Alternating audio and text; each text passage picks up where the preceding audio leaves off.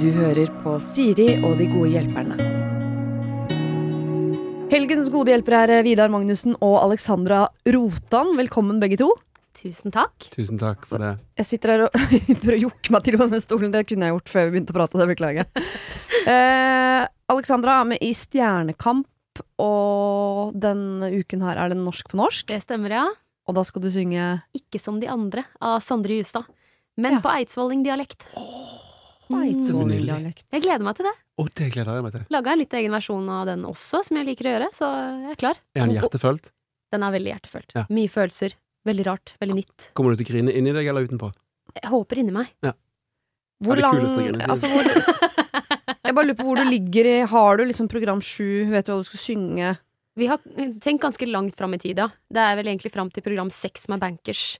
Og Ja. så har alle snakket om hva de har lyst til å gjøre i musikal og storband. For det er jo KORK med i år. Og de må jo få de til å forberede seg. Så Ja. alle har vel også sendt inn hva de ønsker der, da.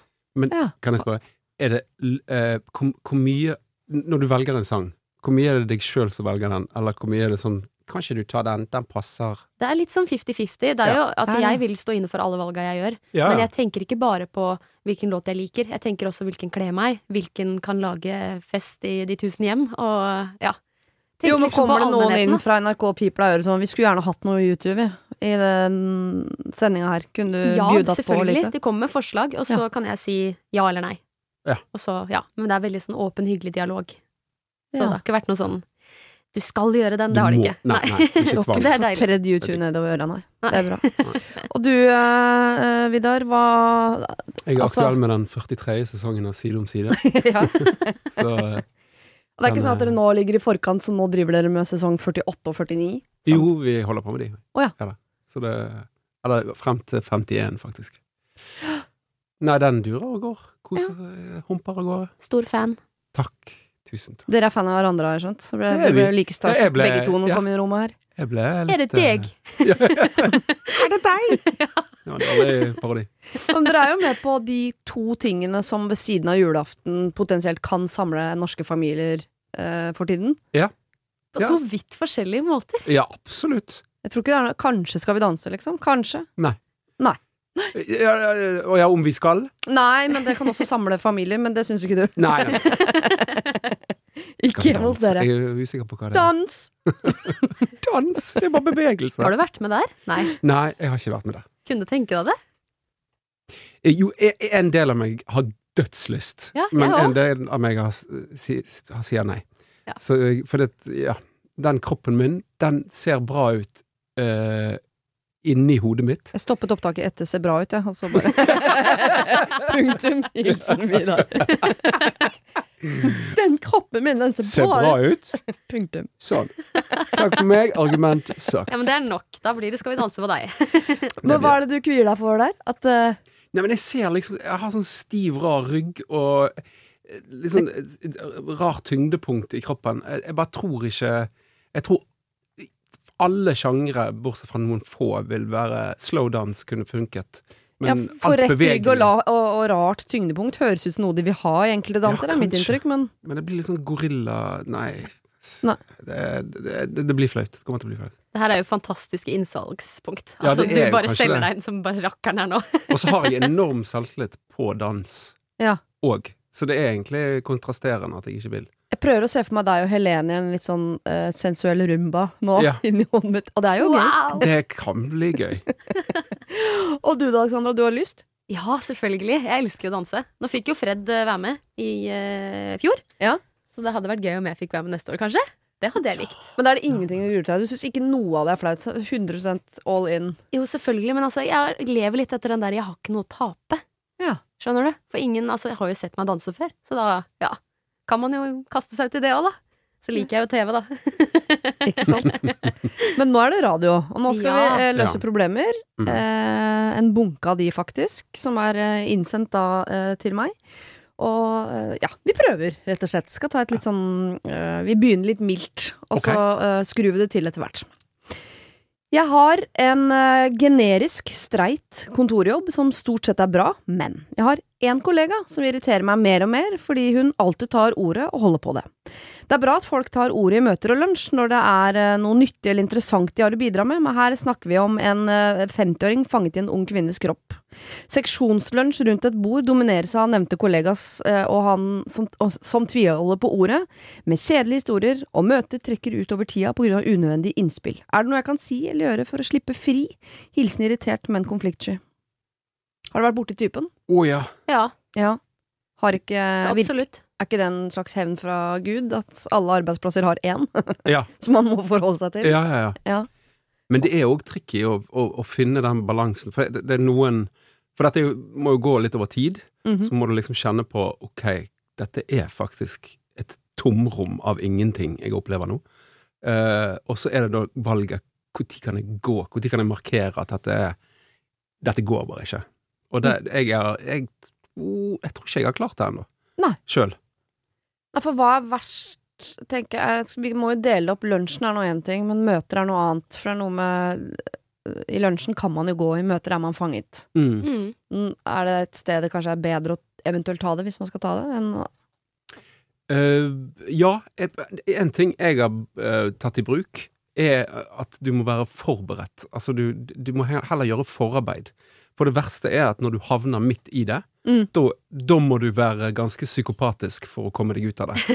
da må du liksom gå Nei, stopp, snakk nå, ha det.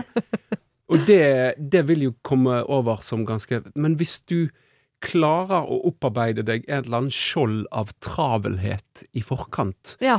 en eller annen selvsentrert telefontitting, et eller annet som gjør at du bare er utilgjengelig for at de kan nå frem til deg. ja. Eh, kanskje en sånn eh, at man ja, får en jeg, jeg tror man må være forut for å klare å løse det. ja. Hvordan, eh, når du har havna i den situasjonen, Alexandra, hva gjør du? Jeg tror det er viktig å ta det med en gang, jeg. Og ikke la det hope seg opp en sånn eh, eksplosjon. Mm. For det har skjedd. Jeg er veldig lite sint, men jeg har vært sint en gang på et sånt menneske. Ja. Og da eksploderte det. Og da blir det plutselig veldig utrivelig. Så jeg tenker jo at her må det handles med en gang. Ja. Og det beste er jo faktisk å snakke om det. Ja. Enkelt og greit. Men hva kan du si da, hvis, hvis, hvis det du føler er dødskjedelig? Altså, den personen er dødskjedelig. Hvordan, hvordan har du formulert det da? Altså, jeg vet ikke, men det, det jeg får inntrykk av her, da, er at uh, Det var en hund, var det ikke det? Jo. Mhm. Hun har kanskje et behov for å imponere. Kanskje hun har et Ja. sånt uh, bekreftelsesbehov, og vise at hun sitter der og er til. Hva om han da neste gang kanskje prøver å svare henne på det hun sier, eller bygge opp under, at de kanskje får en samtale sammen, så hun også ser at vel, du er litt interessant du også, du har noe på hjertet å si. Kanskje hun da lar han slippe til neste gang. Jeg vet ikke. Hmm. Ja, kanskje. Jeg er jo Jeg burde ikke si hva jeg mener i det hele tatt, for jeg er så barnslig i en sånn situasjon at jeg har lyst til å rope sånn Kjedelig! Jeg gjør det jo ikke, for jeg, jeg holder det inni meg. Men så hvis jeg hadde eksplodert sånn som deg en dag, så hadde jeg ikke eksplodert i kjefting. Jeg hadde eksplodert ut i en sånn tolv år gammel, dritirriterende, uh, terrasse liten unge, liksom, på dette mennesket. Ja. Så eh, ikke hør på meg. Ikke gjør det. Det er kjempedumt. Men man kan jo eh, I lunsjen så ville jeg også bare gjort meg utilgjengelig. Ja, absolutt. Mm. Ja, eh, selv om det er ikke alltid det funker det heller. Jeg har jo sittet noen timer bak i taxi hvor jeg utelukkende svarer mm, nei, men det allikevel fosser med informasjon Mm. fra førersetet. Eh, men i møter, jeg føler at det er den vi må løse. Det er det noe å løse noe. For der er du bondefanget av flere øyner. Og det, det, er også det er noe med å respektere andres tid. Fordi hvis det er det møtet her skal vare i en time, men varte i halvannen fordi vi måtte høre om den gangen Ruth Mm. uh, kjørte feil når hun skulle på julebord. Mm. Enda en gang.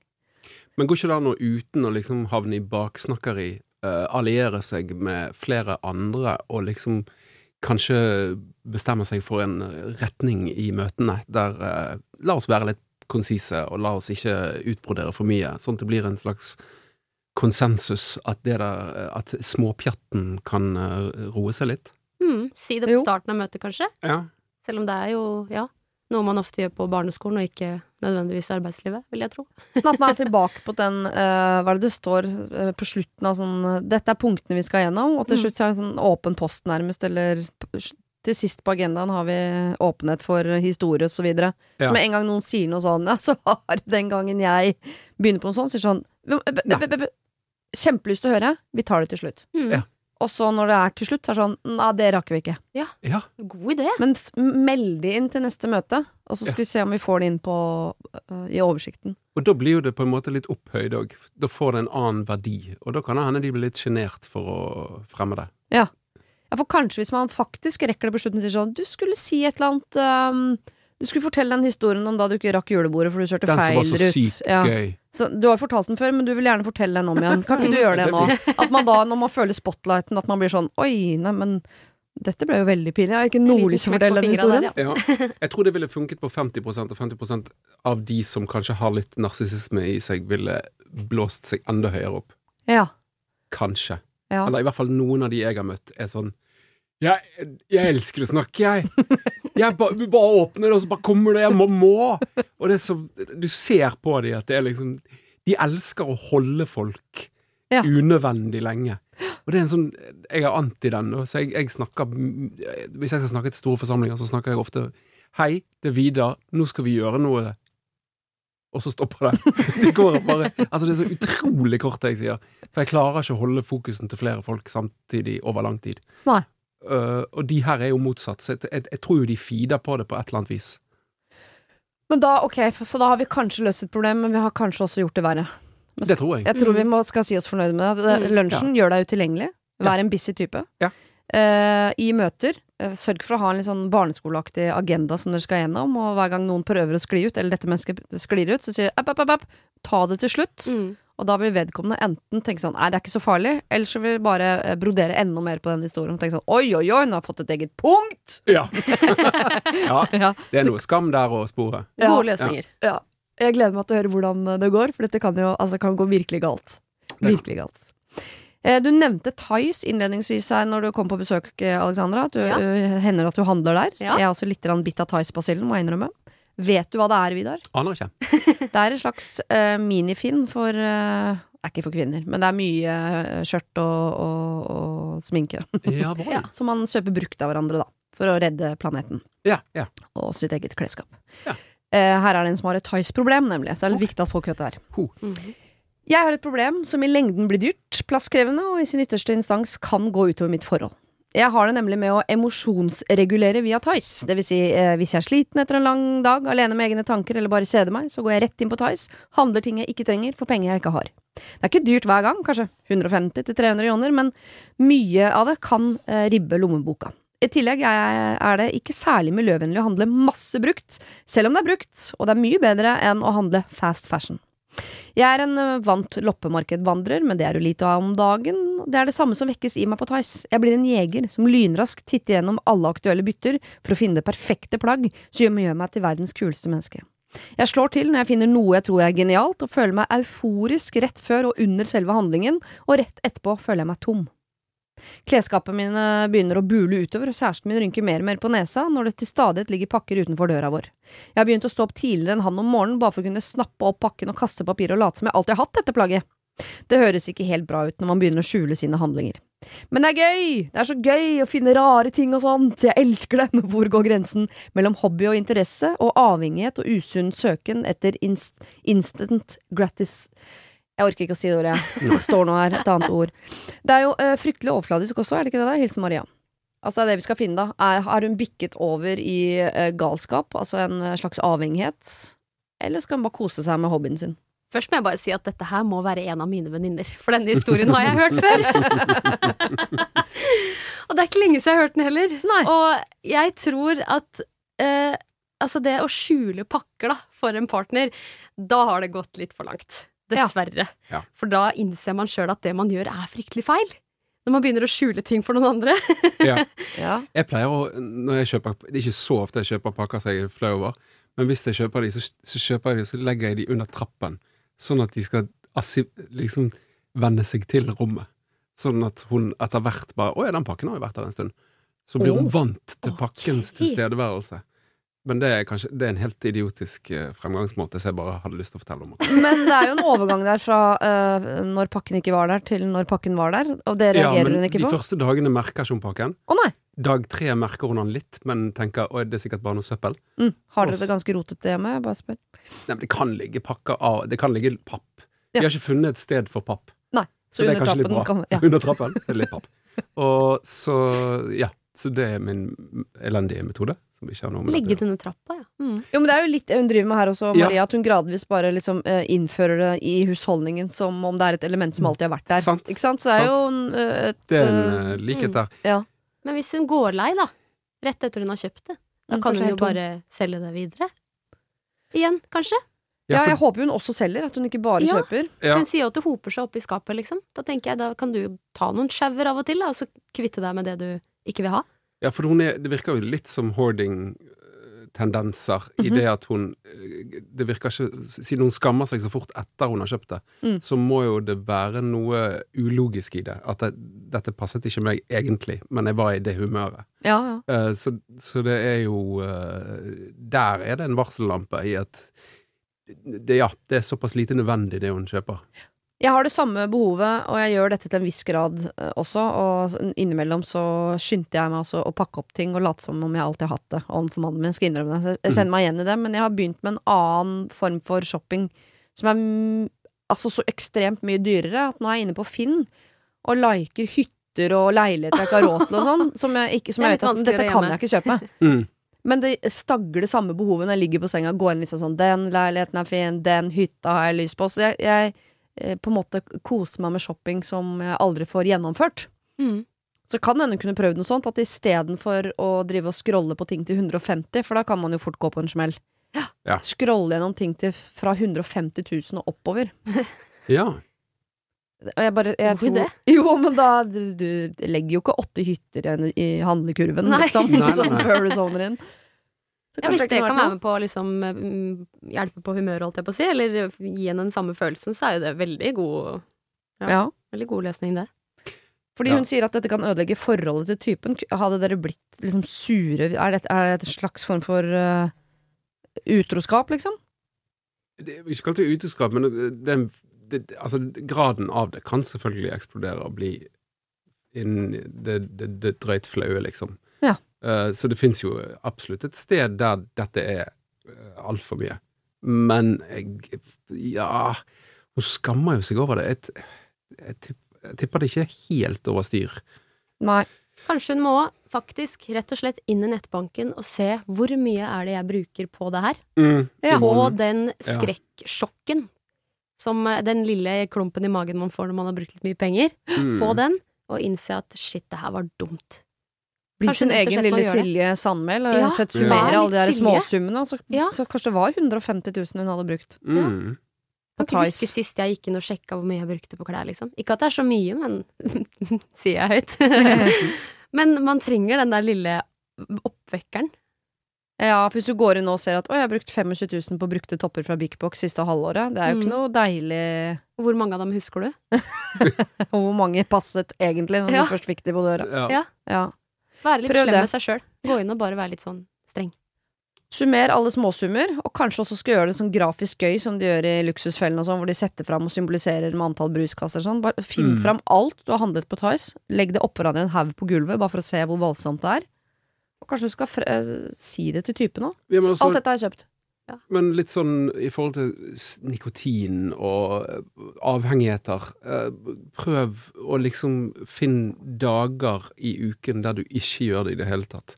Korte rom. Altså fra mandag til onsdag er det ikke lov å gå inn på Thais. Ja. Uh, type ting. Og så begynne å øve på sånne mellomrom, og kanskje bygge de ut etter hvert. Så hun skal bli festrøyker innen thaising? At hun skal bli. Det er det. og da er det fredag kveld fra sju Ja. til ni. Og så kanskje ha et maksantall da. Da Ja. kan jeg inn, kjøpe tre ting. Ja. Slette appen og sette på sånn derre At appen sier ifra når du har vært der i to timer og sånn. Ja. Det fins jo det. Men at du må lage sånne komboer som er Jeg må være sammen med folk og drikke rødvin for å kunne handle på Tice, som jo er en utrolig Ja. døll ting å drive med når man er sammen med andre mennesker. Det akselererer flere ting. Vi syns, Maria, at du er litt over Det har gått litt over stokk og stein. det innrømmer jeg. Du har sikkert kjøpt ned en haug med dritt som ikke du bruker. Legg det i en haug. Se hvor mye penger du har brukt på det. Se om du kan finne noen sånne dager hvor i dag er det lov, i morgen er det ikke lov. Uh, og så uh, bare Skam deg litt. Litt, litt skam. Det må være, jeg er ikke imot Skam skam. Folk er så imot mot skam. Litt Ja, ja, skam ja. syns jeg er greit. Nei, nei. Ja, Litt rann skam. Ja, og lykke til, da. Fra Thais til porno. Deilig! Å, topp. Sånn er det. Kjære Siri og de gode hjelperne. Håper dere tar mitt problem. Jeg har ingen andre å snakke med dette om. Det er rett og slett for flaut. Beklager for lang mail, jeg vet du liker det kort og konsist. Det stemmer. Jeg liker at folk har fått med seg det. Vi fikk vårt første barn sammen for seks måneder siden. Etter dette har jeg hatt eh, total bortgang av sexlyst, nå som kroppen min har fått en helt annen og ny funksjon. Min mann derimot, han så gjerne på porno på soverommet, mens jeg var nede fastlåst med vår nyfødte sovende baby på armen. Jeg fersket han i dette, og det fikk meg virkelig til å føle meg elendig. Det ga meg rett og slett dårlig selvfølelse i denne nye sårbare fasen. Vi snakket om det, og jeg ba om tid, og at han i mellomtiden lovet meg å la være å se på porno. Ja, dette lovet han meg, og jeg måtte ta han på ordet. Noen måneder senere spør jeg om han har holdt det han har lovet. Han ser meg inn i øynene og sier ja. Jeg får en følelse av at han lyver, og sjekker derfor nettloggen på mobilen hans. Og der finner jeg ulike pornosider som han har vært på siden sist. Ikke bare gjorde han det jeg tryglet han om å ikke gjøre, men han løy meg altså rett opp i ansiktet. Jeg følte meg faktisk bedratt. Jeg konfronterte han med dette. Han fremsto lei seg og lovet å ikke skulle gjøre det igjen. Så kommer det frem i dag da at jo, han har sett på porno flere ganger. Jeg bare måtte, jeg. Jeg var så kåt. Og vi har jo ikke sex, sa han da. Han påstår at han er lei seg, men jeg tror at han bare er lei seg fordi han ble tatt. Han fortsetter jo å se på, selv om jeg har fortalt hvor dårlig det får meg til å føle meg. Jeg vet ikke hva jeg skal gjøre nå. Det er jo bare porno, men jeg opplever det faktisk som utroskap. Jeg har ikke lyst til å akseptere at han er avhengig av å se på porno, for det er vel det man er, når man velger det selv om det er skadelig for forholdet. Jeg blir kvalm, flau, føler avsky for min mann. Han har rett og slett valgt porno framfor meg, gang på gang, og han lyver om det. PS. Har ikke noe mot at han runker, altså. Jeg vil bare ikke at han skal se på Sexy Hot Busty når han gjør det. Vi er 32 og 33 og har vært sammen i fire år. På forhånd, hjertelig tusen takk for hjelp. Hilsen mammakroppen. Ja. To ting han ser på porno, hun vil ikke det. Han ljuger. Det vil hun jo heller ikke. Nei. Hva er det største sviket?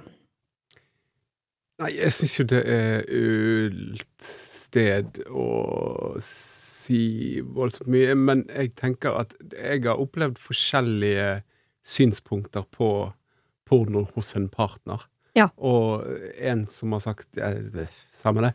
Og en som har sagt 'det der er det verste i verden'. Ja. Eh, så, så, så det er jo Ja, jeg syns det er vanskelig. Jeg syns det er vanskelig å finne et svar der som er mm, Ja, for man jeg, beveger seg i jeg, en har mye ja. empati for hun da. Altså, for det, hvis hun føler det, så er jo det forferdelig. Det er jo ikke gøy. Nei. Og det, du kan jo Du kan jo si at det er en ekte følelse av svik. Mm. Eh, men så syns jeg det er ølent, for det eksisterer jo, og folk ser på det. I forrige program så var det en som har handlet klær bak ryggen på mannen sin. Her er det en da som ser på porno bak ryggen til sin kvinne. Mm. Jeg syns jo det er verre. Det mener jeg. Altså, hvis man først grader, skal grada, gradere de, så syns Mm. jeg det er verre. Enig, Mhm. enig, Ja. enig. I hvert fall når hun har gitt tydelig uttrykk for at hun ikke liker det.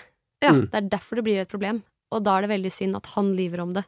Og at hun da er nødt til å gå inn og sjekke telefonen hans for å se om han lyver. Det er jo et veldig stort tillitsbrudd. Uh, og det er veldig synd. Ja. Det er kjempesynd. Og ja, hadde, de kanskje, hadde han kanskje vært ærlig på det, da. Sagt det. Snakket tydelig og sagt du, nå har jeg lyst til å se på porno. Ja. Selv om han kanskje ikke gjør det, da. Så hadde de kanskje kunnet snakke om det i stedet. Jeg vet Mm. ikke. Det er veldig vanskelig. Det har aldri vært i en sånn situasjon før. Jeg har, eh, her må du Nei. inn, Vidar. Ja, ja, jo. Eh, og så tenker jeg jo det at den fasen de er i med barn, og med den eh, kvinnekroppen som hun snakker om, som hun kanskje ikke føler seg helt eh, i vater med, Mhm. Mm. eh, øker jo eh, følelsen av sviket, vil jeg tro. Så, Og en så usikkerhet, ja. Ja, og usikkerheten, og, og kommer jeg tilbake igjen til der jeg var eh, Nå er jeg her. Mm. En umiddelbar følelse som er der og da. Og, og så er jo det det at de har fått et barn, og ja, jeg syns det der er en tricky situasjon.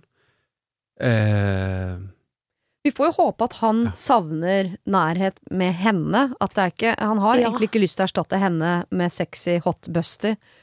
Men øh, så skjønner han ikke at den avstanden mellom de blir større nå. Fordi hvis hun i utgangspunktet syns det er litt vanskelig å liksom kaste seg på hesten igjen etter å ha fått barn osv., så, videre, mm, så får du ikke noe mer lyst nei. av dette. Så eh, hvis han tenker sånn åh, nå må vi snart ligge sammen igjen, så driver han Han skyver på det hele tiden. Mm. Kommer til å bli lengre og lengre og lengre og lengre tid til Mm. hun får lyst på han igjen. Både fordi han, hun tenker at han tenner på noe annet enn meg.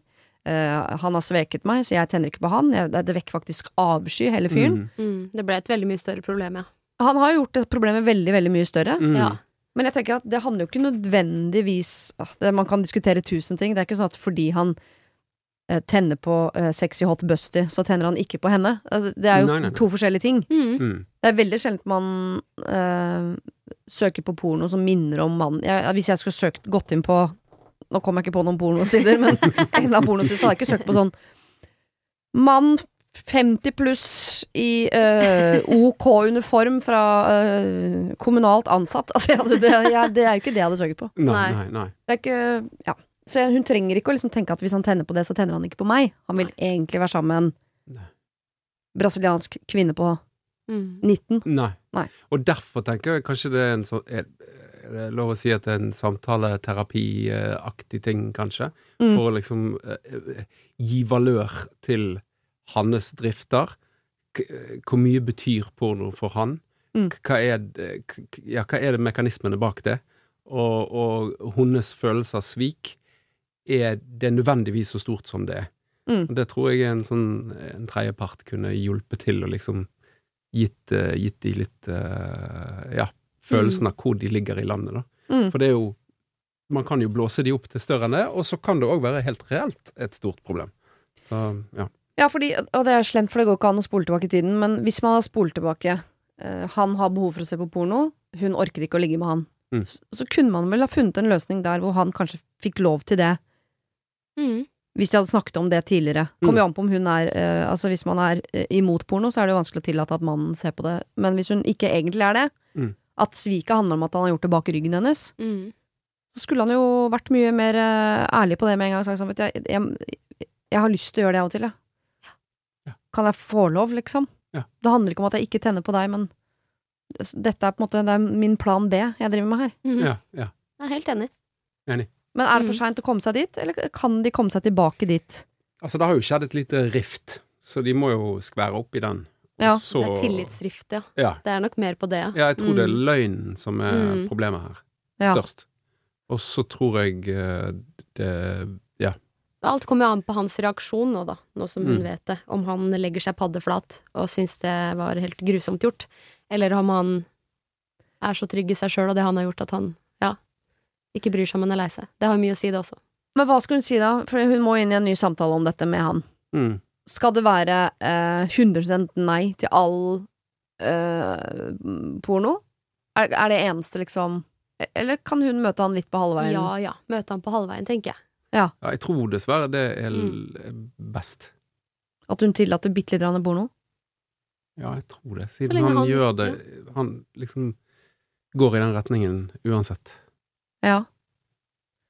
Men Ja. ikke for å legge lasten over på henne, men eh, Nei, jeg syns dette er vanskelig. ja. Mm. For jeg tror det, det er veldig forskjellige personligheter der ute. Og, eh, ja. Det, jeg, skal, jeg skal- passe meg for å være for eh, bastant.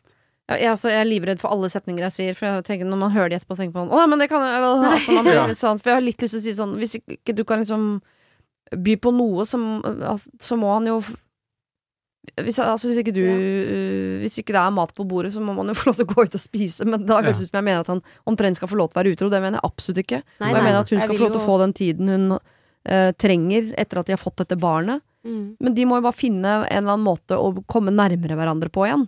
Ja. Og det de driver med nå, er det motsatte. Ja. Ja. og jeg vil jo tro han sikkert har sett på porno lenge før de møttes også, men han valgte fortsatt henne. Ja. Å få barn med henne. Han har, er forelsket i henne, og jeg vet ikke om de er gift eller ikke, men man må ikke glemme det. Men det er så lett å bli tatt av øyeblikket av at du, du føler på nesten en litt sånn Nå ga hun på skjermen han noe jeg ikke kunne gi han, men Mm. du må ikke glemme at han faktisk har valgt deg. Det er veldig godt sagt. Veldig fint. Husk det. Han har valgt deg. Mm. Han vil ha deg. Pornoen er plan B. Mm. Og han søker jo ikke på Det er ikke deg han vil se inne på en pornoside. Nei. Det er han er antakeligvis hatet. Pornoen Ja. er kortvarig. Du er langvarig. Du er hans hjerte. Men dette må dere snakke om en gang til, og det er mulig at begge to må gi lite grann. Altså Ja. at de må Mm. møtes på midten. At det kan ikke være et ultimatum at aldri mer porno. Det får du ikke lov til. Jeg tror ikke det. Ok. Vanskelig. Vanskelig. Lykke til. Jeg sa det skulle bli vanskeligere og vanskeligere. Ja, ja. Ja. Ja, Blir det enda vanskeligere? svett. Jeg vet ikke hva dere syns om neste, faktisk. Om den er vanskeligere, eller om det blir greiere, dette her. Uh, jeg, jeg hopper over eh, overskriften. jeg, vil, jeg vil at dere skal Oi, oi, oi. skjønne problemet etter hvert. Okay. Jeg har et stort problem, begynner du med, da. Uh. Litt info som er greit å vite. Jeg har gått på p-piller siden jeg var 15 år. Jeg er nå 28. Jeg ble gravid mens jeg gikk på p-piller, og ble kasta hardt og brutalt inn i småbarnslivet som 22-åring. Da jeg ikke fant ut at jeg var gravid før jeg var fem og en halv måned på vei. Unnskyld, det står fire og en halv. Jeg leser fem og en halv. Siden jeg klemte ut ungen, har frykten for å bli gravid igjen på denne måten vært altoppslukende. Jeg har brukt enorme mengder på graviditetstester siden, og har fullstendig panikk hver eneste måned. Eh, Gjerne i PMS-uka, da magen blir pløsete og puppa bare får plass i en sliten sports-BH fra 1900 og steinøks. Du skriver veldig morsomt. Veldig. Jeg er dødslei av å stappe i meg hormoner hver eneste dag, og vet at humøret mitt og min fobi for å bli gravid kommer sterkere frem på av p-piller. Jeg trenger enten et prevensjonsmiddel som er 100% sikkert, eller fjerne all tvil. Altså, jeg har tenkt tanken på å bare fjerne livmora. Men er det riktig for meg? Jeg er 99% sikker på at jeg ikke vil ha flere barn, og samboeren og baby daddy, det må jeg høre deg si, Siri, ha-ha, er enig med at det holder med den lille fine gutten vi har. Men jeg vil fjerne muligheten for det, eller vil jeg det? Vil jeg fjerne all mulighet for å bli gravid igjen? Da den ene prosenten jeg er usikker eh, på, kanskje kan snu. Jeg har vært hos leger, og alt jeg får av forslag er å bytte p-pillemerke, men det hjelper svært lite. Skal jeg bare fjerne livmora og ta konsekvensen, eller hva skal jeg gjøre? Kall meg hva dere vil! Klem! Ja. Så det vi skal svare på nå, er, er uh, kall meg hva dere vil. Skal hun fjerne livmora si?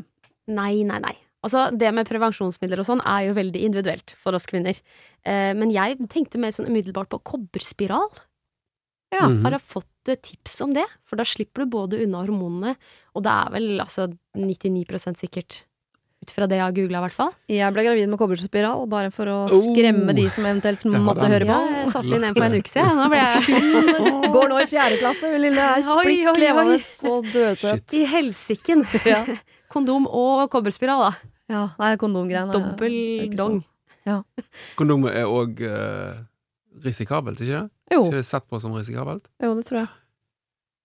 Oi, Og så er det noe med når man er i et fast forhold, så skal man få lov til å slippe kondom. Det Ja, syns jeg må være en del av, benefiten ved å være i et fast forhold. Jeg har et konkret forslag. Ja. Han er baby daddy. Altså, hun, er- hun er sammen med barnefaren. Ja. Og øh, hvor gammel er de? Mm, de er eh, Og det er 28. Ja. Mm. Og de er glad i hverandre, tipper vi da. Ja. Uh, kanskje han snipper seg? Mhm. For han kan jo reattach det med ganske stort hell. Ja. Eh, vet jeg at du kan operere det tilbake igjen hvis du angrer deg. Mm. Hvis du tar ut livmoren, så kan ikke du angre deg. Nei. Men han kan eh, gjøre sine ting og bli steril, og så kan han resterilisere seg hvis nødvendig. Eller han kan putte masse fine dansere i en kopp og fryse de ned. Eh, og så kan han gjøre jobben. Kudos til det forslaget der. For det er litt sånn i vinden om dagen. Det at Ja. eh, menn også kan bruke prevensjon, holdt jeg på å si. Ja. På en måte.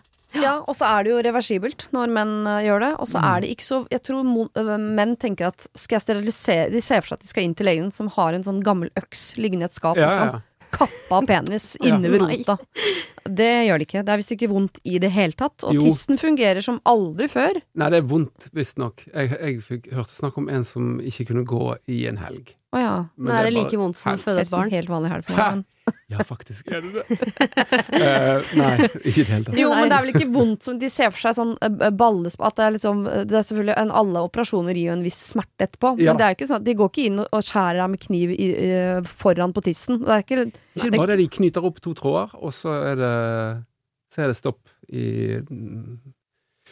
i veien. Ja, de gjør et eller annet. Jeg har hørt at uh, de forslag. små svømmerne mister eh, halen sin, så de, de er ikke svømmedyktige lenger. Men dette kan jeg ingenting om. Nei. Jeg syns bare det er veldig gøy å se for seg sædceller uten hale. Ja. Alle det- bare ligger i bånn av glasset som Det noen tapioca-kuler. Ja. Men der slipper hun unna det hormonkjøret også. Det er jo helt nydelig. Ja, Hvis det er en løsning, da. det er reversibelt, sånn at hvis den ene prosenten med usikkerhet skulle liksom plutselig bli til 30% eller Eller, sorry, altså, men det er ikke sikkert det er dere to for bestandig. Kanskje du blir sammen med en fyr som du har kjempelyst på barn med, eller han har det som en 'jeg skal ha barn'. ja. Men Eller det, han har Ja. men det virker jo ikke som det som er fokusen nå. Altså, hvis det kommer en ny person, så må jo hun ta alle de tingene mm, det medfører. ja. Uh, men vi går jo ut ifra at det kanskje blir de to her, da. Mm, det virker sånn. Ja. De har fått et man barn, gå og de ut er fornøyd. sånt? Jo, man skal gå ut fra sånn, men det er jo greit å på en måte ikke gjøre ting som er 100% når ikke du er 100% Nei, det er det. Og jeg tenker at siden hun er en 100-prosenter, og han er en ikke 100-prosenter, Mm. så er jo, ligger jo det hos han. Uh, Og hun har gått på prevensjon lenge. Det er Mm. hun som har født. ja, Det er jeg, greit at du får en pause, tenker Ja. Jeg. tenker de er spi eh, Men spiral og sånn, for det har jeg vært borti, og ja, er er det, det er ikke smertefullt, det er bare sånn helt Jo, Ja, sant, det er litt irriterende, det òg. ja da. Det Ja, men er, eh, skal- men igjen veldig individuelt. Ja, ja. Men eh, ja, Ja, men da skal han Det er hans ansvar, jeg tenker det, altså. Ja, jeg syns ikke det er smertefullt, men det er klart når du har fått en unge ut, og så dytter du inn en, noe som er eh, Ja. en, en hundrendel av størrelsen, så Ja. er det jo som å Nei, Men er det greit det, å gå med Det var noe med det. ananas. Ja, ja. fint. Men er det greit å gå med det? Eller er det liksom sånn, føler du Dere Jeg kjenner jo ikke på det? Nei, jeg har glemt det. Ja. At jeg har det. Ja. Men det sies at jeg har det. Ja, sant. Ryktene sier det. Ja. Men eh, det virker som hun har fått en del eh, tips om annen type prevensjon. Hun vil ikke det. For at hun, hun vil bli kvitt all tvil. Det er klart at med all prevensjon som finnes til nå, som jeg hørte faktisk på radio i går, at nå kommer det prevensjon fra Amerika som er 100% sikkert, som de har prøvd på sauer, som er uten hormoner. I alle Ja. dager, hva er det for noe? Det vet jeg ikke. Syre. Eh, så kan du vente på den eventuelt, men enn så lenge så syns vi at du skal få en pause nå for å, å, å være usikker og hormonell. Nå er det mannen din som må ha en helg hvor han ikke kan gå. Mm. Ja. Det får gå greit. klarer Det får En helg på sofaen, Ja. det høres jo helt nydelig ut, spør du meg. Ja. Og så tilbake igjen. Hvis han skal tilbake igjen, så er det en helg til uten gåing, og så er det Ja, og så bare kjøre på derfra. Ja. Ja. Da løste vi det. Har du et problem og trenger hjelp, ja, så sender du det til meg. Da bruker du Siri, alfakrøll, radionorge.no. Og jeg tenkte dere skulle få lov til, i og med at dere kjenner jo til hva hverandre driver med, Mm. eh, og har vært sammen nå en liten stund, og jeg vet at dere, dere ble starstruck når dere så hverandre, så jeg regner med at dere vet mer om hverandre enn det dere har lært til nå. Prøv å se for deg, Alexandra, hvordan det ville vært å være Vidar en uke. Du skal leve hans liv i en uke. Altså, du skal være han i en uke. Hva gleder du deg til, og hva gruer du deg til? Jeg eh, gleder meg til å komme på sett og møte de andre skuespillerne. Uh, jeg er ganske fornøyd med livet mitt, egentlig. Jeg, uh, jeg tar det helt med ro, og jeg bare Ja. Jeg driver med det jeg elsker mest. Så ja, livet, livet er bra om dagen, altså. Og hva gruer du deg til? Nei, altså Gruer meg ikke til noen ting, jeg. er ikke du litt sånn, da? Litt sånn derre Jeg føler du, du har liksom ikke den siden av deg at du gruer deg til ting. interessant. Ja. En stor del av meg gruer meg ikke til ting. Nei. Eh, Jeg kan gjøre masse rart uten å føle noe som helst frykt. Men hadde du vært med på Skal vi danse, så hadde du kanskje grua deg til jo, dansetrening. ja, absolutt. Og jeg har masse frykter. I, dagene dagen er full av det. Så, så jeg har det. Men, eh, men det er mange ting jeg ikke har. Ja. Så det, det er delt på midten, liksom. Ja. I en litt sånn rar cocktail. Hvorfor frykter jeg det, og hvorfor frykter jeg ikke det? Ja. Så, men, Er ikke men, du bitte litt, rann- nevrotisk? Jo, eller? absolutt. Ja.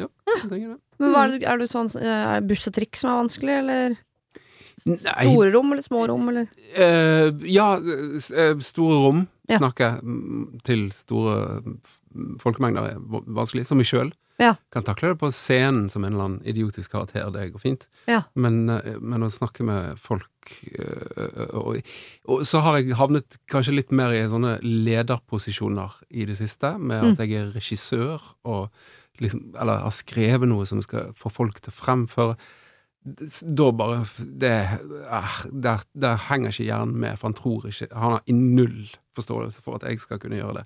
Ja. Så Du vokser som menneske om dagen, du. jeg det er det du vokser. gjør. Jeg henger på meg sjøl, Ja. som Du er går i en eller annen retning. Ja. ja. Ja, eget Kom nå. Kom igjen! Kom igjen. Hva ville du glede deg til hvis du skulle vært eh, Alexandra en uke, og hva hadde du gruet deg til? Eh, jeg kommer jeg kommer ikke til å gjøre en parodi. Eh, eh, Gjør det. Skal jeg gjøre det? Gjør det. Ok. Det ble litt lyst. Altså, jeg starter dagen. Jeg bare tenker Herregud, for et fantastisk liv jeg lever. Her har jeg sunget til den store gullmedaljen i alle mulige formater. Og så kommer det Stjernekamp, og jeg får bare leke og leke. Og stemmen min er jo klokkerein, så jeg bommer jo aldri. Og det er så nydelig å bare kose seg. Det var mitt forslag. Jeg gråter. Det var veldig bra! Men det var egentlig en hyllest, for jeg syns du er så flink å synge. Å, så takk. det var ikke ment som en uh, satirisk fremstilling. Nei. Eh, så jeg tror Nei, jeg tror, jeg tror, jeg tror eh, Alexandra jeg, elsker hver dag eh, Ja. og eh, digger det hun driver med. Ja. Gruer deg ikke til noen ting der, Nei. du, eller? Nei. eh, jo, nei, jeg tror hun gruer seg litt. Nå er det lørdager du skal fremføre ting. Så eh, har du litt sommerfugl i magen på lørdagen? Ja, Ja. men jeg er mer spent. Ja, det er det jeg tror du er, for du er ikke den Du er en sånn Du virker som det smilet ditt bærer du fra morgenen av til scenen. Ja. En versjon av det smilet. Eh, Hvis du kunne valgt uke i Alexandras liv, hadde du valgt eh, operauken eller rappuken, eller Åh, Åh, jeg hadde valgt Jeg hadde valgt uh, Ja, rappuken tror jeg jeg hadde valgt. Ja, definitivt. Ja. Ja. Ville du deg selv så vondt? Oh yeah! ja, men, ba, ja, men med selvtilliten til eh, Alexander, så oh, ja, hadde det vært helt topp. Ja, ja. Det tror jeg, det tror jeg Ja. Da, da, da sikter man der oppe, og så Ja. ser man hvor det går. Ja, det var hyggelig. Det her var gøy. Ta det med dere. Eh, nå skal vi altså ta da en eh, ny bunke med problemer. Eh, begynner som eh, eh, sist. Begynner litt lett. Gå gradvis. Og hardere til verks. Oi, oi, oi. Ok. Bestevenninnen min mistet luktesansen sin etter korona. Det samme skjedde med kjæresten hennes, kall de Birgit og Bjørn. Problemet er innlysende. De vet ikke at eh, hun lukter svært stramt. Svært stramt. Vi kan rett og slett ikke gjøre ting ute blant folk sammen lenger. Så hva gjør vi? Vi tør jo ikke å si dette direkte. Hilsen Lise. Oi, Vent litt. Wow. Hun eller hunden? Hun.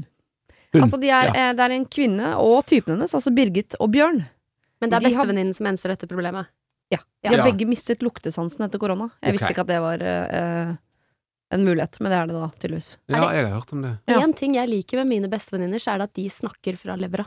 De Ja. sier akkurat Ja. hva de mener. De, da får jeg et mye bedre forhold til de også. For da veit jeg at de eh, sier ifra hvis det er noe sånt, da, for eksempel, som skjer. Så hvis du lukter vondt en dag, så får du beskjed. Ja, men jeg, jeg lukter ikke vondt, vet du. Nei, nei, du gjør ikke det. Nei. Men jeg tror, jeg tror hun må si ifra, jeg, rett og slett. Si det som det er. Det mista luktesansen etter korona. Du, og da føler jeg at det er jeg som bestevenninne er Mm. nødt til å si til deg at uh, jeg lukter noe du ikke lukter. Ja. Fordi å si fra om lukt har jo vært vanskelig til alle tider. Om det har vært stein eller kritt eller hvilken periode vi har befunnet oss i. Ja. Mm. Men akkurat nå, hvis det er sånn at du vet at hun har mistet luktesansen Det er jo eneste gylne anledningen man har til å si fra om ting uten at det Jeg, jeg mener det er en ganske sånn quick fix her, visst, men det, det fordrer at Luktet hun dårlig før? Hun Nei, det tror jeg ikke. Nei, Nei. for det, da er det en ganske enkel ting, og da er det å si at vet du hva, nå kan jeg være din førerhund i livet, Mm. eh, og nå skal jeg bare gi deg et lite tips. Etter du mistet luktefangen, har du begynt å stinke. og det har skjedd, så Ja. jeg, nå må du bare kjøre på noe med noe B12 eller, og jeg vet ikke hva som stinker. Vask deg. Pass på, vær litt ekstra oppmerksom på lukt, for at du har mistet evnen til å skjønne det. Ja, for hva Altså, den lukten har jo dukket opp. Det er jo ikke det at fordi man ikke lukter, så stinker man.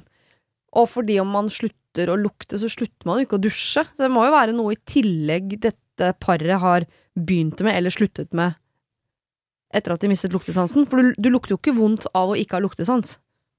Nei, nei, men det kan Nei. jo være at eh, sånn som hvis du dusjer kvelden før, da. Så våkner du dagen etter, og så kjenner du at oi, her har jeg svetta litt i løpet av natta. Ja. Så tar du deg kanskje en ny dusj. Ja. Men når du ikke har muligheten til å lukte det, og tenker jeg dusja jo går kveld, så he, he, da er jeg good to go nå, så er du kanskje litt glemsk om morgenen, da glemmer du å ta på deg deo eller parfyme.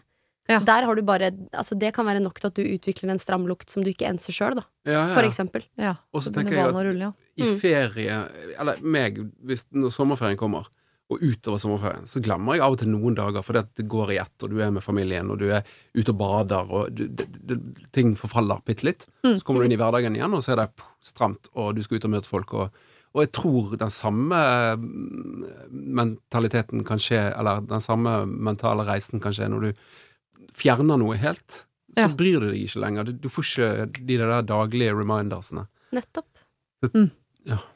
Så Jeg da er det egentlig Det er det som er å være en god venn. Lise, Mm. selv om uh, hun syns det er vanskelig, så må Ja. hun si til bestevenninnen sin. Men kan hun, jeg bare øyner en, uh, for oss konfliktsky, da, Ja. en mulighet som er at hun sier til Birgit at typen din har begynt å lukte veldig vondt etter at dere har mista luktesansen. Oi. Oi, den er tricky. Kan du ta det med han? Så må hun ta en generell prat om lukt på hjemmebane. Og kanskje Ja. hun også skjønner at kanskje øh, Hvis hun hun ber ham dusje litt oftere, at hun skjønner at det må jeg også kanskje gjøre. Det var interessant. Men da er du liksom Da er du nødt til å tro på at hun kommer til å tenke sånn sjøl. Den, Ja. den veien er litt lenger enn Jo, men da, hvis hun man har jo en mulighet også da, hvis det er sånn at da begynner Bjørn å lukte godt, ikke sant? Mm. Og så, øh, og så får Birgit lukte fortsatt vondt. Så må man si sånn Å, sorry, jeg trodde det var Bjørn, men det er jo deg. Det er du som lukter vondt. Ja. Så- Er hun Ja. 100 sikker på at begge lukter vondt, egentlig? Nei, da er det Det veldig deilig å begynne med med Bjørn. sånn. Ja. Mannen din lukter vondt. Det er Ja. mye lettere å si. Ja, det er kanskje det. ja. Det er litt baksnakking nå. ja. Altså, Ja. baksnakke mennene til hverandre er Nei, vel må en del av tiden. Det må være lov. Ja. Tenk om hun blir fornærma, da.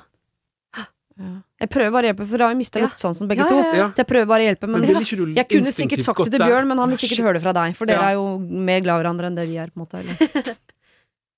Det tror jeg jeg ville gjort. Ja. Jeg tror jeg ville gjort det òg. Jeg ville sagt det direkte. Ja, jeg- Klok av skade. Jeg, jeg, At det, jeg syns det er mye Ja. bedre sjøl. Ja, altså, jeg vil si til Lise at hun burde gjøre som deg, Alexandra, for det er det som er riktig å gjøre. Men jeg vil bare nevne at jeg ville ikke gjort det, fordi jeg hadde ikke tørt. Men hvis du tør, så gå, uh, gå den veien som er riktig, og gjør som Alexandra, si det direkte til venninnen din. Plutselig Ja. følte jeg at jeg begynte å lukte litt svett. Og hvis du gjør det, så vet jeg at jeg kommer jo ikke til å si noe, ikke sant? Ja, nei, nei, nei. nettopp det, da. Og ikke av en mann heller, så. Dere, nå må vi ta på oss headset. Fordi Yes. eh, vi skal få et problem på øret fra vår eh, venn i Mental Helse Ungdom. Oskar heter han. Han eh, samler inn problemer til oss fra gutta. Fordi vi prøver å oppdra gutter og menn i eh, vårt langstrakte land til å tørre å be om hjelp. Hvorfor dropper flere gutter enn jenter ut av skolen? Hvorfor begås 70% av alle selvmord av gutter og menn? Og hvorfor blir færre gutter og menn diagnostisert med psykiske lidelser? Ikke fordi de ikke har problemer, men fordi de ikke ber om hjelp. Vi må snakke om gutta. Jeg har fått inn et problem i dag fra en fyr som har lyst til å være anonym, men han skriver følgende. Jeg har en venn nå som jeg egentlig selv føler at jeg ikke trenger noe mer i mitt liv. Vi har fått forskjellige interesser og vokst fra hverandre. Jeg har likevel vært hans gode venn fordi han har slitt med angst i all hemmelighet. Jeg er den eneste som har fått vite det. Så jeg har villet være en støttespiller, og underveis har han flyttet for å studere og fått en ny vennekrets. Problemet kommer nå. Han konfronterte meg nylig med at hver gang vi møtes, så spør jeg ham hvordan det egentlig går. Han har det bra og trenger ikke meg til å passe på han, sier han. Og med det tenker jeg egentlig at vi ikke trenger å være venner lenger, at min jobb er gjort. Da trenger ingen av oss hverandre sånn egentlig. Burde jeg slå opp? Han vil jo fortsatt være venner når han er hjemme fra skolen.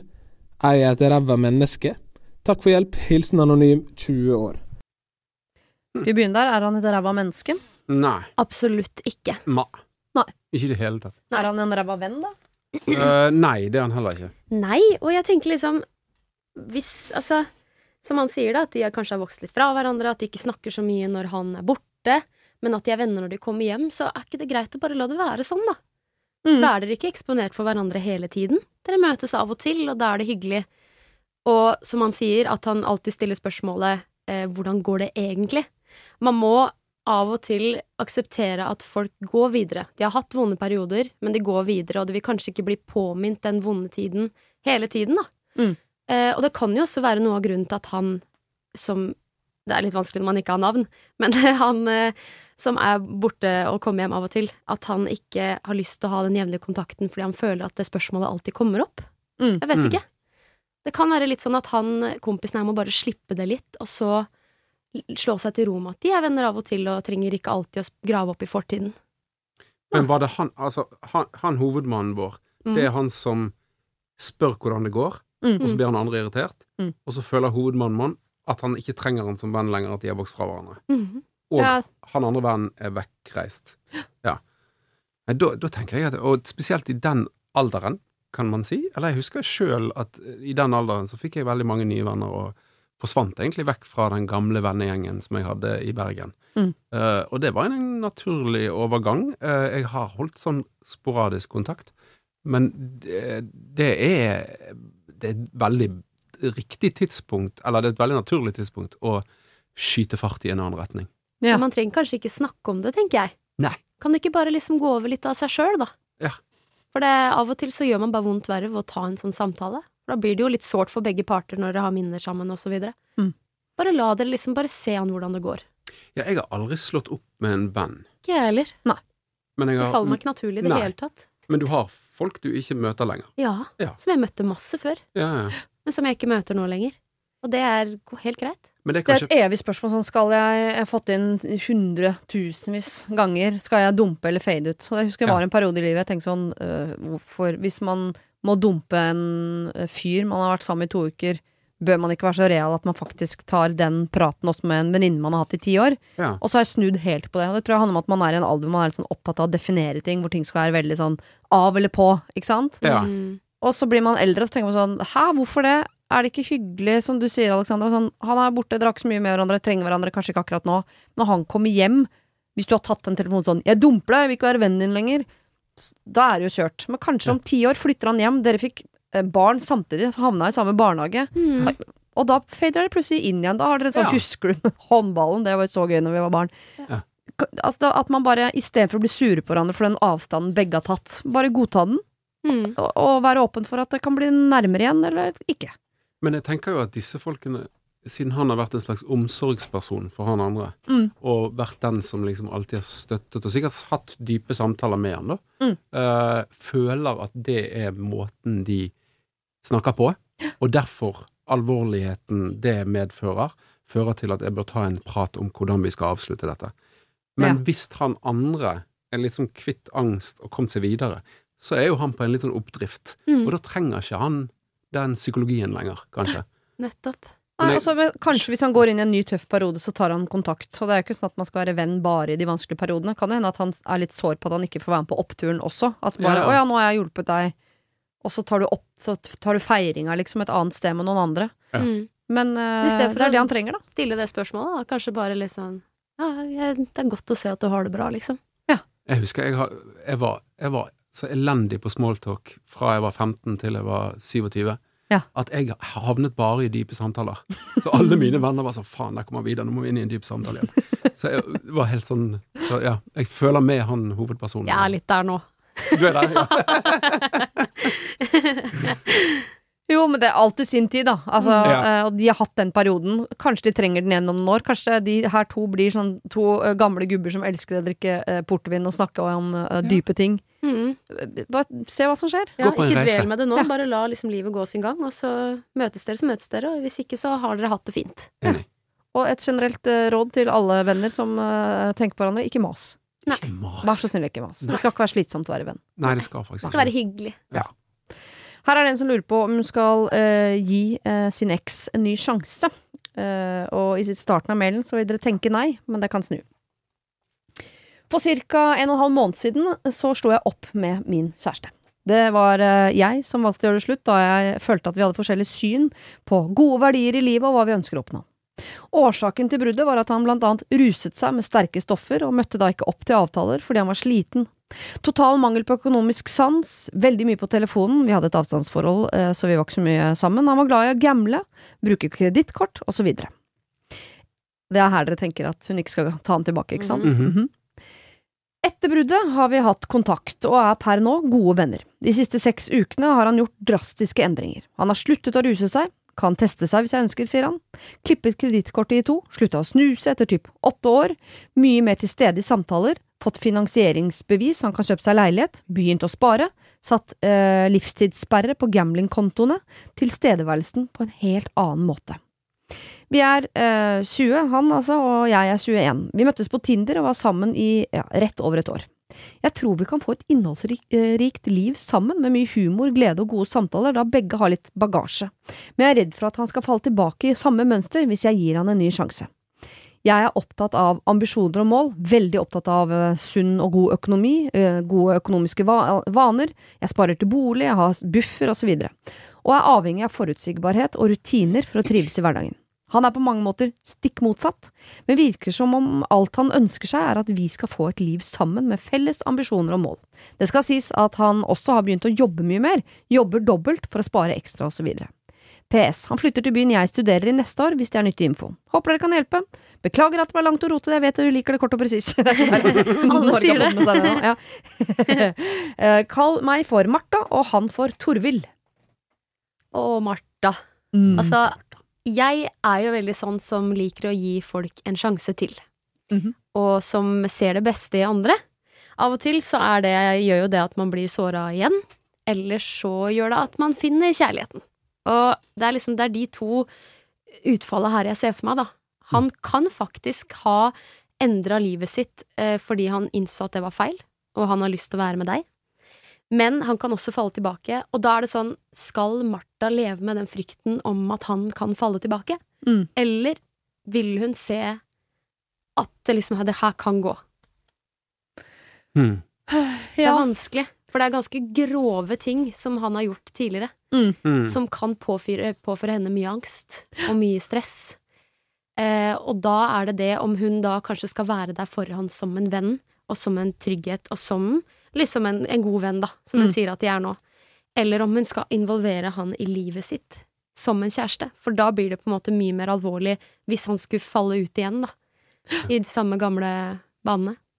Jeg skulle gjerne visst om grunnen til at han gjør denne endringen i livet sitt, handler om henne. Ja. Ja. Fordi hvis den gjør det, så er jeg litt skeptisk, fordi da kan hende at når han da får henne tilbake, så kan han på en måte bare åpne alle sluser igjen. Mm. ja, og magien Det er er over over Ja. sneiken. Eller om han gjør det for seg og sitt liv. For hvis Ja. det er det, og at han nå bare er på et annet sted i livet, og de fortsatt liker hverandre, mm. så syns jeg jo det er fint at de prøver en gang til. Uten å vite det konkret, så får jeg en følelse av Når jeg gjør en så drastisk greie, Mm. og liksom på alle måter bygger alle byggesteiner riktig, eh, så føler jeg at han har fått en eller annen oppvåkning. Mm. Eh, og at det ikke er en taktikk for å få noen tilbake igjen. Mm. Jeg føler at det der er så drøy omveltning at her, her finner han gevinst i det. Altså når du til og med begynner å spare og eh, kjøre dobbelt med jobb, så er det, det er ganske drøy eh, U-sving han tar. Mm. Eh, og slutter å snuse, det trengte han ikke. Det er jo gøy å snuse. og, han gjør bare Der kan han få tilbakefall. Ja, det er greit. men, men, men eh, Nei, så jeg, men, men jeg er veldig enig. Jeg, jeg tror Men jeg, jeg er jo født før Tinder, og eh, Eller jeg Hvis det er en setning som gir mening. Så jeg har aldri prøvd det, men det er jo ganske fort og rask og uh, umiddelbart entry point for kjæresteri. Mm. Uh, så kanskje, hvis den veien skal forskes på igjen, ta dette litt saktere. Veldig og- mye saktere, ja. Ja, veldig mye Og i hvert fall når dere bare har vært sammen et år Mm. også. Så syns jeg det liksom Jeg hadde skjønt hvis dere hadde kanskje nesten Ja, eller jeg vet ikke, vært forlova eller et eller annet. Altså det hadde vært mye lengre periode, det her, da. Mm. Eh, det kommer litt an på hvor raskt man kjenner et annet menneske. Men eh, jeg tror kanskje liksom Ikke bli kjærester med en gang. Nei. Og, og hvis La oss gå ned den veien litt, grann, da. Hvis de blir kjærester igjen. Mm, eh, er det noe de kan De, hun, han kan gjøre for å prøve liksom å trygge at det ikke skjer igjen? Altså, for jeg ser for meg at hvis han nå Han får tilbake henne, og så har han hatt et lite tilbakefall, da. Tatt seg en snus, eller eh, kjøpt noe han ikke har råd til, eller altså et eller annet sklidd ut på e- en av disse områdene så kommer han jo kanskje da til i hvert fall ikke ville si det til henne, fordi han vet hvor skuffet hun blir, og er redd for at da ryker forholdet igjen. Og det er jo dumt, fordi han må jo ha en tillit til henne om at hvis han eh, går på en smell, så Mm. må han kunne eh, finne støtte i Martha. Det er derfor det kanskje Ja. er bedre som venn, da. Fordi Ja. hun forstår han, fordi hun har sett hvordan han har vært tidligere, på en måte. Og kanskje i tillegg at hun har sett hvordan han har kommet seg ut av det. Vet jo ikke om de ikke hadde noe kontakt på det, det tidsrommet her. Nei, jeg bare lurer på om det er en måte de kan være kjærester på som gjør at han At hun ikke mister fullstendig håpet hvis han går på en Ja. smell, og han tør Tør å si det til henne hvis han faktisk gjør det. Altså, det handler jo kanskje da om en ekstrem form for åpenhet og ærlighet. Mm. Uh, og det at han sier han er villig til å teste seg, ja, kanskje Kanskje være så Kanskje droppe innom liksom eh, hyppig. Mm. Hvor er vi? Uh, og går dette bra? Jeg har jo på en måte lyst til at de skal finne tilbake inn til hverandre òg. Ja. for jeg syns han, var så modig i det han gjør. Mm. Så Men Men jeg tror det ville gjort det med en stor dose varsomhet. Mm. Ja, ta den testinga, da. Eh, Skal hun for eksempel si sånn, ja, da syns jeg faktisk du skal teste deg en gang i uka. Mm. Får bestilt sånne Ja, der, pinner du tisser på på apoteket, liksom. Ja. Sett et ultimatum. Det er jo ikke Ja. bare for at han skal teste seg, det er jo for at tilliten deres skal bygges opp, kanskje. ja, trygghet. Ja, For det er lettere å bare gjøre det fra start enn å si sånn, jeg ber deg om det når jeg blir mistenksom, for det lukter jo krangling. Yes. Ja, heller bare sette regler tidlig, sånn Ja. Og så Og da får du med en gang svar på hvorfor han gjør det også. Hvorfor Ja. han er uh, sober. Ja. Han blir ikke sint hvis du ber han teste seg. Han gjør det av fri vilje fordi han vil ta seg sammen. Skjerpe seg. Mm. Han vil bevise, ikke sant. Mhm. Også ikke for evig og alltid, da. Det blir jo, men uh, i en periode, i hvert fall. Ja, ja. Ja. Så kan det vannes ut og Ja. lenger imellom. Oh, vi heier jo på dere litt, Ja. Martha og Ja, Torvild. Vi vil det. på en måte at det Mm. blir dere, men ta uh, skru ned tempo ganske betraktelig. Og Ja. så, så må dere ha en ekstrem form for åpenhet. Ja. Mm. Og så hadde det vært greit å liksom, om dere begge var klar over Har Torvild tatt dette valget i livet sitt bare pga. deg? Er dette en em, ekstrem form for eh, sjekketeknikk fra hans Ja. side? Eller er det et valg han vil ta i livet sitt for seg? Vi håper jo det siste. Ja, det, Mm. Men det har litt å si. kanskje konf- konfrontert han med det og si er dette meg, eller Mm. er det deg? Mm. Og eh, kan du forklare litt? Og ha den samtalen. Jeg tror dere må være åpne, mer åpne med hverandre enn veldig mange andre her i en alder av eh, 20, hvor man bare egentlig går rundt og imponerer hverandre og later som man liker Liverpool og David Bowie, selv om det egentlig bare er Britney Spears som gjelder. Ja. Snakker av erfaring. Det er som meg. Jeg bare, United, ja, ja, Ja, ja. ja, Mm. Åh, får ikke nok av fotball, jeg. Kan vi være så snill å se mer fotball? så eh, dere må ha en eh, ekstrem form for åpenhet på de greiene der. Ok. Eh, kjære Siri og de gode hjelperne. Jeg ønsker å være anonym, kall meg Tomine, jeg er 30 år. Jeg har et problem jeg sårt trenger hjelp med. Det har seg slik at jeg har vokst opp uten å ha kontakt med min far og hans side av familien. Dette inkluderer med andre ord eh, min far, mine tre halvsøsken, nevøer, nieser, besteforeldre. Det er vanskelig å skulle si for sikkert grunnen til at jeg ikke har vokst opp med min far, men jeg vet at han strevde mye med sjalusi og ikke behandlet min mor så godt. Han pakket tingene sine og dro da jeg var ett år gammel, og så seg aldri tilbake. Jeg har allikevel vært nysgjerrig på denne siden av familien, og da jeg var 15 år, møtte jeg min far, hans nye kone og mine halvsøsken for første gang. I etterkant har vi hatt noe sporadisk kontakt, mest gjennom sosiale medier da vi bor et stykke fra hverandre. Vi har ikke møtt hverandre siden 2014. Personlig har jeg i oppveksten syntes at det har vært eh, noe leit at pappa ikke har tatt mer initiativ til å ha kontakt med meg, og at han alltid lover gull og grønne skoger hver gang vi møtes, men ikke holder det. Jeg synes det er viktig å nevne at eh, jeg har en trygg og flott familie på morssiden, samt en omsorgsfull og fantastisk kjæreste, så sånn familiemessig har jeg absolutt ingenting å klage på. Men over til det jeg trenger råd og hjelp med. Jeg og min samboer venter vårt første barn, noe som er svært gledelig. Dette er noe jeg har delt på sosiale medier, og familien på min fars side har både likt og kommentert med gratulerer så mye og så videre. Og dette irriterer meg mer enn det gleder meg. En liten del av meg skulle ønske at min far bare kunne komme krypende og be om at han kan få lov til å ha kontakt med sitt barnebarn, eller i det minste sende meg en privat melding med en gratulasjon, men jeg vet innerst inne at det ikke kommer til å skje.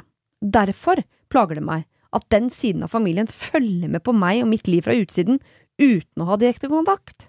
Jeg har vært inne på tanken om å blokkere han og resten av familien på sosiale medier, men syns at det er relativt barnslig. Jeg vet jo at jeg er full av hormoner som gravid, så jeg prøver å tenke at dette er noe jeg ikke vil føle så mye på om noen år. Men jeg trenger hjelp, for jeg vet oppriktig ikke hvordan jeg skal håndtere dette. Jeg vil ikke ta kontakt med dem, da jeg føler at det ikke er min oppgave denne gangen. Men er det rettferdig at de skal få lov til å følge med på mitt liv fra utsiden? Det skal også nevnes at min samboer og jeg har bestemt oss for ikke å publisere så mye av fremtiden med barna, men noe vil det jo sikkert bli. Med vennlig hilsen hormonell og svært gravid Tomine. Hmm. Oi. Altså, jeg tror hun føler at det er urettferdig at de skal få lov til å sitte og, og se på hennes liv som, som en slags sånn publikum som skal få lov til å sitte og klappe u- uten å liksom ta i et tak. Mm. For meg så virker det nesten som at farssiden i familien har mer et ønske om at offentligheten skal se at de bryr seg, enn hva de faktisk gjør ut av kjærlighet. Ja. For da hadde de kanskje vært mer opptatt av å ta direkte kontakt med henne enn å være aktiv på Facebook. Facebook er helt forferdelig når det kommer til det der. Og folk Mm. skal liksom vise at de bryr seg, men Ja. de gjør det egentlig ikke. De vil bare at navnet deres skal stå der som en av de som har eh, gratulert deg. Men hvorfor tar du ikke opp telefonen og ringer? Litt som de 450 gratulerer med dagen-meldingene man får Ja, og sender i løpet av et eh, år. Mm. Du Mm. føler en plikt på å vise at du er der, men du mener det egentlig ikke. Mm. Det er farlig. Ja. Og så Men så jeg Min, min jeg, ja. Jeg tenker Øver du på lyder? Generell lydøving. Ja, ja, ja. Måtte begynne der. Eh, nei, familie er jo vanskelig. Det er ikke lett. Og én ting jeg føler jeg har lært i mitt 43 år gamle liv, er at du kan ikke, det, er ikke, det er ikke det stedet du Nå snakker jeg ikke om en far, og nå snakker jeg ikke om noe så nærmt som det, men du kan ikke forandre så mye på familien. Familien er familien. Sånn er det. Og du er glad i dem, og noen syns du er rar, og Mm. sånn er det. Uh, så, så, så det der at du kan ikke Og nå tror jeg det kan overføres til en far som ikke kanskje har brydd seg så mye, for det, det, da blir jo han litt fjern for henne, og har jo ikke vært en del av Så han blir jo ikke far i den forstand som det jeg krever av min far, er jo mer fordi at han er meg nærmt, og har Mm. vært det hele livet. Eh, Så kanskje hun, han blir litt mer denne andre type fa eh, perifere familien. Og med de så er det liksom Ja, så plutselig kommer Facebook, og så kan du vise denne type overfladisk entusiasme. er eh, eh, eh, det er ikke sikkert at Eller jeg føler ikke at det nødvendigvis er at de skal vise at de er så veldig Jeg, jeg tror det er mer det du sier, at det er, det er enkelt å trykke et klikk. Sant? Det er enkelt Mm. å trykke et hjerte. Mm. Det er litt enkelt. Men Ja. det trenger ikke være negativt heller. Det trenger ikke være, on, det trenger ikke være hoverende eller skrytende. Uh, jeg tenker jeg synes, Ja, jeg syns det Jeg, ja, jeg, jeg syns familie er vanskelig nok som det er, og jeg setter pris på de likesene jeg får fra fjernt og nær. Men ja, jeg vet ikke om det kan overføres her, for det er far. Mm. Jo, men- det det er jo ikke bare far hun reagerer på, det er jo de på farssiden. Og jeg tenker at um... Men er de skyld i det, da? Ikke det faren sin skyld? Og så er de De har jo bare blitt barn av en annen familie. jo, altså Den avstanden mellom de kan man jo til en viss grad forstå. Det er ikke et aktivt valg man tar hver dag at man vil ha den avstanden. Den avstanden bare er der. Mm. Og så kan man si at det er litt sånn veikt at den eneste formen for eh, tilnæring man har, er å trykke like, fordi det er så enkelt. At jeg kan bli litt sånn ah, come on, da, brette opp arma og gjøre noe mer, på en måte. Men, men det er jo dessverre sånn at eh, Tomine, ditt liv, alt det, det du opplever nå som er fantastisk i ditt liv og sånn, det er jo liksom detaljer for, for de der ute. For de er ikke nærme deg. Mm. De er ikke glad i deg. eh, på den måten. Mm. Så det å gi en like det, eller en gratulerer er på en måte kanskje det man kan forvente. Det, er jo, Mm. det betyr jo ikke at det er slemt. Jeg fyrer jo av gårde noen gratulerer med dagen til folk som Mhm. er litt sånn ekstremt perifere av og til, og det er ikke noe jeg gjør verken for å være slem eller få egen oppmerksomhet. Det er på en måte det er det jeg har å gi. Det er det jeg Mm. liker nå, egentlig. Mm. Mm. Og da tenker de kanskje sånn, er ikke det hyggelig, da? En liten oi, hun skal ha unge, en liten tommel opp, eller en liten Mm. sånn der eh, kake-emoji, eller altså Det er der Det er så langt den liksom kjærligheten strekker seg foreløpig. Og så Ja. kan man ønske seg noe mer, Ja. men det, må, det er jo tosidig, da. Og så er det den uh, skuffelsen over faren som ikke har vært der. Mm. Og, og så må den bearbeides i sin, på sin måte. Ja. Eh, Mm. Da virker det kanskje enda verre, da, at de ikke bryr seg fordi han ikke bryr seg. ja. Hvordan er det motsatt, da, for eksempel? Med henne overfor de? Mm. Er hun like interessert i deres liv, på en måte? Eller er det her egentlig hovedproblemet, at pappaen ikke er der? Som Jeg gjør tror det. at- Hun vil jo bli sett. Ja, hun føler litt ekstra på det, da. Mm. Og så tror jeg altså eh, Jeg kan jo relatere, jeg har jo ikke noe forhold til min, eh, min far. Og det handler jo ikke om at nødvendigvis at jeg vil ha noe med han å gjøre nå. Nå er det for sent for min del uansett, for han er død, men eh, man vil, den sorgen handler om at jeg, vil, jeg ville at han skulle være pappa for meg når jeg var liten. Mm. Nå, eh, Siri 30 for eksempel, da, for ti år siden, ikke så eh, det det var ikke det sorgen gikk på. Det kan godt hende med Tomino. Det er ikke det at hun trenger, for hun sier hun har en fa fantastisk familie. Mm. Morssiden er fantastisk. Kjæresten, hun skal ha barn selv. Så hun savner ikke nødvendigvis det derre Jeg vil ikke ha en pappa inn i livet mitt nå. Det er ikke det. Nei. Men hun har jo allikevel en skuffelse som går på hvor var du da jeg var barn? Mm. Ja. Og den skuffelsen blir du ikke kvitt. Og den Nei. kan du bli minnet på hver gang det kommer en tommel opp og en, et eller annet uh, hurramelding. Så blir det sånn er det, er det det du har å by på, liksom? Mm. Hvor, Ja, ja. fa- kom igjen, da. Eller ønske om en bestefar for barnet ditt, liksom. Ja. Mm. Det er det som kommer tilbake nå. ja, jeg skjønner den frustrasjonen veldig godt. Mm. Eh, og jeg syns det er lov å være irritert Ja. på det. Uh, Men på far eller på alle? Nei, der blir det litt sånn komplisert. Mm. Så man kan velge å si 'far, jeg er sur på deg, du er teit'. Eh, men de andre er forulykkede for hans valg. Mm. Eller, de lever jo sine liv helt fint for seg sjøl, men distansen er hans skyld. Mm. Så, så det er ikke deres feil. Og de Hun kom jo inn i livet deres ganske seint, så, så hvordan skal de Altså, de, de, de kan i og for seg isolert være helt nydelige folk. Full av mm. empati og perfekt fungerende. Det, det kan ikke hun vite, med mindre hun har møtt de masse, og de er sleipe jævler. Mm. Men hvis de ikke er det, så ville ikke jeg lagt så mye skyld over på det, og heller taklet uh, den delen av det, Mm. og så uh, i det stille vært sur på far. Det er lov. Eller bearbeidet det, da, så godt du kan. Og så blir man litt usaklig når man er gravid, faktisk. Jeg husker det at jeg tenkte det jeg opplever nå er helt unikt. Mm. Jeg trodde når jeg gikk gravid på gata at folk kommer til å snu seg og tenke sånn shit, se hun er gravid, det er jo helt sjukt. Når jeg trilla inn i butikken så tenkte jeg omtrent at alle kom til å flytte seg og tenkte sånn det kommer en med baby, hun har føda et levende menneske ut av kroppen, det er helt sjukt. Og så opplevde man bare på når man gikk på det, Nobody cares, fordi ja, det er et mirakel for meg, det er helt unikt for meg, men for andre folk Nok en baby. sånn. Kanskje de har en milliard små babyer de har arrangert uh, babyshowers for og vært sånn ordentlig, men det at, det bare, at noen er gravid der ute i periferien, er ikke, det stopper ikke dagen til folk flest, da. Dessverre. Nei, Det nei, gjør kanskje følelsene dine enda større, og Ja, ja. tenker mye mer og Ja. ja.